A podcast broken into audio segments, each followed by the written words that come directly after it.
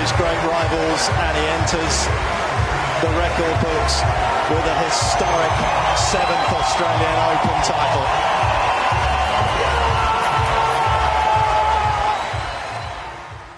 Hejsan Tennis Sverige! Hjärtligt välkomna ska ni vara till Hawkeye, Sveriges bästa tennispodd med David Torstensson, mannen bakom Amas Raffa och mig Sladjan Osmanagic. Eh, det här är ett kort avsnitt. Det handlar självklart om eh, eh, finalen i Australian Open här klassen och Djokovic besegrade Nadal. Vi spelade in detta direkt efter matchen och igår så vann Naomi Osaka mot Kvitova i damkategorin. Och David, då har vi faktiskt då Naomi Osaka och Novak Djokovic då, i respektive kategori som har vunnit de två senaste Grand Slam-turneringarna. Och på damsidan var det ganska länge sedan det hände. På här sidan inte alls. Men först och främst får vi gratulera Djokovic till en oväntad enkel finalseger mot Nadal.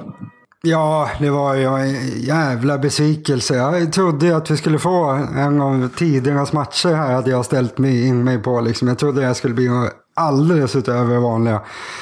Eh, men det blev ju egentligen ingenting. Det var ju bara, som jag sa till dig här precis innan vi startade på inspelningen. Det var ju spännande i sex poäng eller något. Det var ju liksom ett och ett halvt game. Sen, det, sen kände man att det här kommer aldrig att vända. Han, han eh, buntade ihop Nadal på tre minuter och sen lyckades Nadal aldrig eh, ta sig ur. Så det var ju nej, total slakt. Det, det, var, det var ingen spänning ens. Tråkigt. Nej, och tråkigt då att det spelmässigt inte kom upp i de nivåer eh, vi har vant oss vid att matcha mellan dessa två gör. Kanske framförallt på hardcourt då. Liksom har varit några helt makalösa matcher med ett spel som, som ibland har kommit upp på helt nya nivåer. Eh, det såg vi inte mycket av idag du. Nej, förutom eh, Maria Strandlund som satt och kommenterade matchen på Eurosport. Hon tyckte att det här var en av de bästa matcherna någonsin lät det som. Men vi andra eh, tyckte väl kanske inte det. Djokovic var ju på, absolut på den nivån som krävs. Han var ju, alltså, han var ju så perfekt i den här matchen så det var ju nästan larvigt åt det. Han bara bombade på från första, första poängen och liksom släppte aldrig på tempot. Det var väl precis i slutet på tredje som han dippade lite för första gången gånger. Men då vann han ändå sista tre gamen eller vad det var där. Så det var ju mm. liksom eh, kross även då. Men det var, det var en som dansade och det var Djokovic. Eh, Nadal dansade inte överhuvudtaget. Han dansade bort sig själv kan man säga.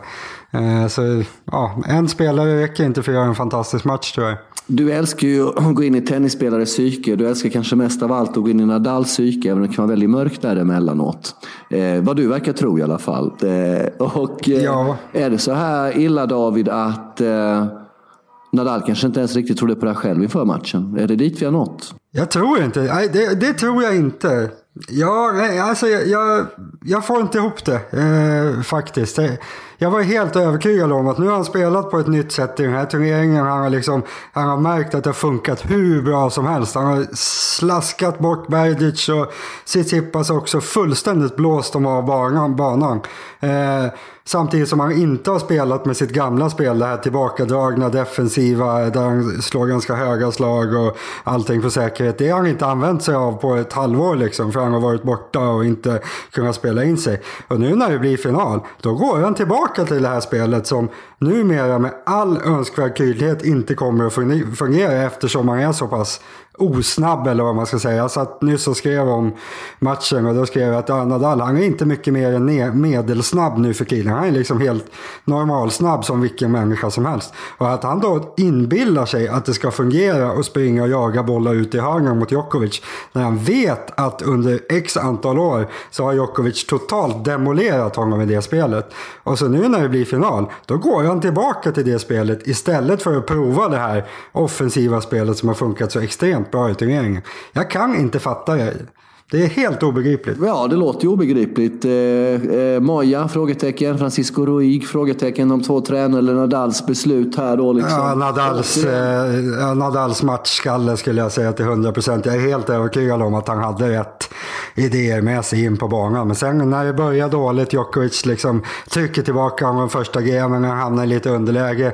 Då klarar han inte av att förmå sig själv att spela det här nya spelet. Utan då blir det den här reptilia karaktären där alla risker ska minimeras och han ska slå varje slag med minimal risk och allt sånt. Det, alltså de kan ju inte ha lagt upp den här taktiken inför matchen. Det, det skulle jag säga är omöjligt. Och då ska de bara sluta hålla på med det de gör direkt. Och det tror jag inte. De är duktiga de där. Så, nej, han, han, som många gånger förr, när det går lite emot då klarar inte Nadal att vända vända det själv i skallen under matchens gång. Utan då, då kör han bara på det enkelspåriga som, som han har lärt sig sedan han var typ två år gammal. Så det var, det, var det, det som hände tror jag. Att han kom kanske in med rätt idéer men det blev inte en enda rätt idé överhuvudtaget under matchens gång. Eh, det var en som dansade, sa du innan. Han som dansade var då Djokovic. Står nu då ensam på sju segrar i Australian Open. Den tennisspelare som har vunnit den flest gånger. Eh, Fed eh, är väl på sex och Emerson på sex också. Va? Eh, men eh, sju segrar talar sitt tydliga språk och han är uppe nu då på 15 Grand Slam-segrar totalt. Då, vilket än en gång understryker denna unika tennissamtid vi lever i här, David Torstensson. Då, med Federer på 20, Nadal på 17, Djokovic på 15 och Sampras på 14. Eh, det var ingen som trodde att man skulle komma förbi 14. Nu är det tre stycken som gjort det och de är samtida. Det är ju helt sjukt vilken härlig samtid vi har. Är det inte så Torstensson? Jo, det, det, den börjar gå mot slutet tyvärr. Men samtidigt så kan man ju säga också att så överlägsna och så säkra till finalen som de gick nu, Djokovic och Nadal. Det var ju inte igår som två spelare var så överlägsna. Det har funnits, Nadal brukar gå till final i franska ungefär så här säkert och Djokovic har gjort det förut. Men en, en turnering där två stycken liksom inte ens är halvhotade på hela vägen fram, det, det har inte hänt på ett tag. Så de ska väl kunna hänga i ett tag till kan man hoppas. Eh, och med tanke på vad de unga spelarna presterade i den här turneringen så då får de nog faktiskt se till att hålla i ett tag till de här två. För det är väldigt tydligt att det är ingen annan som är redo att kliva upp på, ja, särskilt inte på Djokovic nivå, i alla fall inte när han spelar mot Nadal och inte Nadals nivå heller tydligen som han krossade sitt Tsipas i semin där. Så det, det Nej, de, de, de kommer väl dominera i år också känns det som. De får skynda sig väldigt mycket de andra om de ska hinna ikapp det här. Och framförallt Djokovic. Nu har han tre tre Grand Slam är han regerande mästare i, så det blir lite spännande inför Franska öppna om man ska plocka alla fyra igen samtidigt. Ja, det är ju som du säger, han står på tre raka. Om vi pratar om de andra kan vi nästan kasta in Nadal och Federer här då, eftersom de facto har då tre raka. Wimbledon, US Open och nu Australian Open. Eh, som du säger, han har chans då att för andra gången i sin karriär då eh, vara regerande mästare i samtliga fyra då, om han nu skulle vinna Roland Garros i juni. Och vinner han den också så blir han den första någonsin som har två eh, titlar vardera minst i varje Grand Slam. Den chansen då som Rafa förspillde med att inte vinna i Australian Open den här gången. Eh, kommer Djokovic vinna Franska öppna? Eh, menar allting talar för att han eh, kan gå väldigt långt där. Och eh, självförtroendet på nu är väldigt välfyllda. Eh, det ser bra ut för Djokovic nu om vi jämför med för ett år sedan han åkte ut mot Chung var det va, i Australien Open. Ja, det har hänt det mycket på det året. Och det, det har hänt nästan eh, ett par livstider på, på ett år där va. Ja, det är helt otroligt. Bara sen i Franska öppnaren han torskade mot eh, Cecinato där, det var ju liksom inte... Mm. Då var han ju inte i, i något skick överhuvudtaget egentligen. Och det till att nu vara var precis så bra som han vill vara. Nu är han ju uppe på sin absolut högsta nivå igen skulle jag säga. I alla fall om man går till den här matchen. Att mycket bättre än så här, det, det har han inte spelat. Så nu är han ju så bäst igen. Och då är det klart att en sak vi aldrig har fått se, vi har ju fått se det mesta med de här tre skulle jag kalla det. Djokovic, Federer och Nadal. Vi har ju fått se det absolut mesta med de inblandade. Men jag skulle nog säga att vi har aldrig fått se en match i Franska öppna där både Djokovic och Nadal har varit i sitt absolut bästa skick. Eh, nu tror jag kanske inte vi kommer få se det nu heller, för att Nadal ska bli i sitt bästa skick till dess, det tror jag kanske inte. Eh, men, men det är någonting man kan hoppas på i alla fall, att man får se de två mötas i sommar och se vem som faktiskt är bäst på, på grus. Att Nadal får träna ordentligt tills dess och försöka hitta lite bättre fysik och att Djokovic håller sin nivå. Då skulle det kunna bli något eh, alldeles utöver det vanliga. Alltså efter att ha sett den här matchen precis så det är inte helt lätt att se Nadal slå Djokovic ens på grus efter att ha sett det här. För det är liksom, det är ju ingen... det är ingen förlust. Han blir ju förintad Nadal. Det är, alltså, det är ingen match överhuvudtaget. Sen är det klart att gruset gynnar honom, men ja, hade man ställt dem på en grusbana nu så är det klart att Djokovic hade varit favorit. Sen hinner det hända grejer till sommaren, men ja, han kommer ha en bra chans. Eh, så mycket kan man ju säga i alla fall. Så är det. Eh, Djokovic har då slagit Nadal i Australian Open och igår lördag slog då Osaka eh, Kvitova i Australian Open-finalen. Eh, eh, det innebär då att Djokovic eh, gör försprånget större då som världsetta. Eh, skaffar en större lucka och väl chans att öka på det där så småningom när vi kommer till Sunshine Double där i, i Indian Wells och Miami i mars månad. Eh, han floppade ju rejält där förra året också. Eh, annars, eh, Tsitsipas har väl fått ett gigantiskt stort genombrott på, på den globala scenen. Ja, det måste man ju säga. Det måste man säga. Samtidigt så, jag har ju varit lite hård mot honom som vi pratade om i, i något avsnitt för ett tag sedan här. Att jag, jag tycker, alltså, jämför man med de absolut bästa så kanske han inte har spelet. Och man såg ju lite grann vad som hände mot Nadal när han mötte någon som är uppe på den högsta spelmässiga nivån. Då går det liksom inte längre att vinna matcherna bara på sin skalle som man kanske gjorde mot Federer om man frågar mig i alla fall. Att Federer egentligen var ganska klart bättre med att Tsitsipas hade överlägsna psyket där. Eh, men det är klart det är ett stort genombrott. Samtidigt så tycker jag att där ska man ju vara väldigt lugn och försiktig. Att säga att Tsitsipas ska slå någon av de här och därmed kunna vinna en stor turnering innan de här två har blivit mycket sämre. Det känns inte aktuellt överhuvudtaget. Eh, men att han, han ska kunna bli topp 10 ganska snart och, och ligga och bråka med de som ligger där, ja, ja visst. Men, men han är, det är ju inte han som ska gå in och puffa ner de här som läget ser ut just nu i alla fall. Nej, är det någon överhuvudtaget som kan puffa ner Djokovic från tronen som världsetta under 2019? Nej, det blir väl svårt. Sen, saker och ting kan ju ändras ganska snabbt. Man mm. såg ju hur han har fallit ifrån eh, tidigare några gånger och bara blivit dålig. Han kan bli skadad. Och, alltså, man ska veta att en dag kan det se ut som att en spelare är totalt oslagbar och sen nästa dag så är det inte alls så. Alltså, som, om vi tar Federer i början av den här turneringen. Jag trodde stenhårt på Federer. Liksom, Federer kommer kunna utmana både Nadal och Djokovic. Och det tror jag egentligen fortfarande att han hade kunnat göra. I alla fall Nadal. Men sen får han en, en skitmatch där allt bara går fel för honom i huvudet. Och då, då är han inte vattenvärd. Och man tänker att Federer kommer aldrig tillbaka. Men alltså Federer i eh, långt in, eller i alla fall en bit in i den här turneringen. Såg jag Federer som en klart möjlig vinstkandidat. Och alltså, det är ju ingenting som har ändrats bara att han får stryk mot Tsitsipas. Federer kommer kunna hota och slå de här, framförallt i tresetsmatcherna. Vi pratar om de här Miami och Indian Wells som kommer upp. Där blir ju Federer livsfarlig. Liksom. Han kan ju alla gånger slå Djokovic i en sån där turnering. Eh, däremot, det man ska säga också när det gäller att eventuellt peta bort de största. Det känns ju inte som att de unga spelarna kom närmare de här två i den här turneringen. Eh, liksom om man tar de här Team, Zverev och Tsitsipas och Koric och allt vad de heter. Alltså, det är ju inte samma det är inte samma sport de håller på med. De är så jävla långt efter så man kan inte ens prata om en generationsväxling som det ser ut just nu.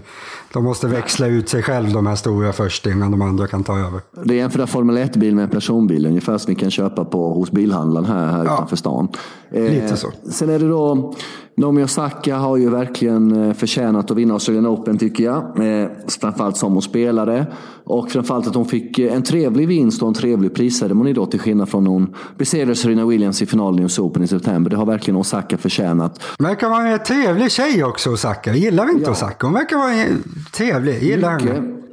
Eh, mamma japansk, pappa från Haiti. Eh, och eh, flyttade redan till New York från Japan när hon var två, tre år gammal. Så hon är väl i, princip naturaliserad mm. amerikansk. Hon har det här härliga stora spelet. Eh, så det ska bli intressant att följa henne, se hur det klarar sig på gruset eh, för hennes del efter hardcourt-säsongen då när vi flyttar till, till gruset. Vi gratulerar Osaka, vi gratulerar Djokovic. Vi är väl tillbaka i slutet på veckan David. Varför är det så viktigt att prenumerera på Hawkeye? Berätta det för för att ni märker ju, det kan ju komma avsnitt extra, extra avsnitt ibland. Som nu, vi sätter oss och snackar ner eh, Australian Open-finalen lite. Så prenumererar man så vet man att man alltid får eh, notiser exakt när avsnitten har kommit. Och så ska man ju följa oss på sociala medier såklart. Vi har ju en kille som mm. lägger upp jätteroliga grejer på Twitter till exempel. Eh, Hawkeye understreck podcast. Mm. Häng på där. Ja, jag trädde ut, äh, trädde, trä, vad heter det, kramade ett träd. Du trädade ett kram. Ja, kramade ett träd i New York förra helgen. Där, och där kände jag han kommer ta A.O. Djokovic. Jag kände energin i trädet och så vidare. Och så vidare Hur känner du då Sladjan? Du får säga någonting. Känns det, alla vet ju att du älskar Djokovic. Känns det liksom... Det känns som du inte heller är riktigt sådär superglad som du borde vara. Var en besvikelse i finalen eller? Lite så. Det var lite olyckligt. Jag försov mig här då så jag kom in precis när andra set började. Och eh, kände, oh vad skönt att, att, att han tog första set. Och sen kände jag, nu kommer det bli åka av. Men det blev ju inte så mycket åka av. Eh, och eh, kändes väl faktiskt, om vi ska se det lite krasst, som en dag på jobbet för hans del här. Va? Eh, och och eh, samtidigt oerhört imponerande hur han har höjt spelnivån då idag mot Nadal och mot Py i semifinalen. Nu kanske inte Py är ett eh, riktigt rättesnöre då, då. men eh, Samtidigt som Nadal kom in väldigt osäker i den här turneringen. Som du var inne på redan inför. Han träffade bollen fantastiskt där i mm. uppvisningsturneringen i Mabudala och hit och dit och blaha blaha. Men innerst inne måste han känt kanske då att han inte klarar av det här fysiskt. Liksom. Och då är det ju mm. kanske svårt att gå in och möta Djokovic och sen få en break direkt i första då, om jag förstod det hela rätt. Och sen då break direkt i andra och så ett break till och så dubbelbreak där och i tredje. Även om Nadal närmar sig lite grann. Men, eh, Ja, presidenten i spelarrådet tar det återigen. Eh, sen är det då fascinerande. Ja, det ska man ju säga också. Vi, vi kanske är lite för orättvisa här på, på något sätt mot Nadal. Att jag hade ju väldigt höga förväntningar på honom inför den här finalen. Men man ska ju också mm. komma ihåg vilka låga förväntningar jag hade på honom inför turneringen. Jag menar, den här uppvisningsturneringen i Abu Dhabi där och träningsmatchen mot Kyrgios i Australian Open. Alltså han tog sig ju knappt framåt. Han var ju, han var ju halt för fan. Han kunde inte röra sig. Så därifrån till att ha gått till final här. Jag tror inte han trodde på det själv. Så för det är en Nej. succé på så vis. Eh, och att han... Eh, han är ju inte fulltränad fysiskt liksom. Så det, det, kanske var orimliga förväntningar på honom bara inför finalen. Det, det är fullt möjligt. Man vill ju så gärna få en sån här match som man minns för alla tider. Men det fick vi inte idag. Nej, tyvärr. det kanske kommer längre fram och eh, sen är det ju intressant med dynamiken då att han går upp på 15 då. Att vi har de här tre som är inne på början på 2017 respektive 15. Det blir ju intressant att följa framöver under det här året och nästa år. Jag tror att det var bra för Federer det här. Det hade varit ett ännu större hot för honom om Nadal hade gått upp på 18 än Djokovic för 15. Alltså, Djokovic kommer ju troligtvis köra, över, köra om honom till slut ändå. Men hade Nadal gått upp på 18, favorit i Franska öppna, då hade det känts liksom, det hade kommit jävligt nära för Federer. Nu är det ändå mm. lite marginal. Djokovic måste ha sina två, förmodligen tre bra år till för, för att gå upp eh, och gå om honom. Och det kan han säkert ha, men det är, det är som på något sätt det är en räddningsplanka för Federer så länge Nadal inte kommer upp på 18-19. Ja, det ska bli mycket, mycket intressant att se hur hela det här urartar sig. Eh, vi ser mycket fram emot eh, Franska öppna i vår och Wimbledon. Men det är massa podcast att spela in innan dess, eller hur herr Torstensson? Vad händer på bloggen? Vilka har gett oss möjligheten för övrigt att direkt efter en söndag kunna koppla upp varandra på Messenger, olika program och mikrofoner och köra in den här tennispodcasten. Vem har gett oss den möjligheten Torstensson? Det är våra kompisar på Betthard såklart. Där jag har min eh, Precis. blogg också. Varmosraffa.se ska man gå in och läsa som ligger på Betthard. Eh, så Betthard älskar tennis. Betthard tycker väl att vi är okej okay också antar jag. Och eh, Ja, de ger oss möjligheten som sagt. Eh, det gillar vi Ja, det gillar för en gammal näthatare som dig, eller hur? Nej, precis. De har samlat upp mig. Även vi näthatare har, har ett visst värde, Sladjan. Glöm aldrig det. Vilken räddsten hittar de det då av alla dessa näthatare? Ja, det kan man fråga sig. Vill, vill, vill, du berätta mer om detta eller vill du ligga lågt just nu? Nej, de, de samlade väl upp mig när jag låg där någonstans nere i träsket med näthatarna där. Nej, jag är ganska lugn och snäll och fin så det har nog rätt av dem att samla upp mig, det tycker jag. De är bra Betthard, så säger vi. Ja, de är utomordentliga, utomordentliga. Underbart eh, Torstensson. Då är vi tillbaka i slutet på veckan. Tack till alla som har lyssnat på i Sveriges bästa tennispodd. Och kom ihåg, eh, iCast kan man gå in och, eller iTunes heter det va? Där kan man gå in och recensera oss också. Var det något sånt där eller? I, iTunes ja, där ska man eh, iTunes, sätta ja. hög. Nej, nu börjar det bli gaggigt det här sladjan. Tryck ner för fan. okay. Vi hörs på torsdag eller fredag eller något. Hej! Ja, ja, hej, hej.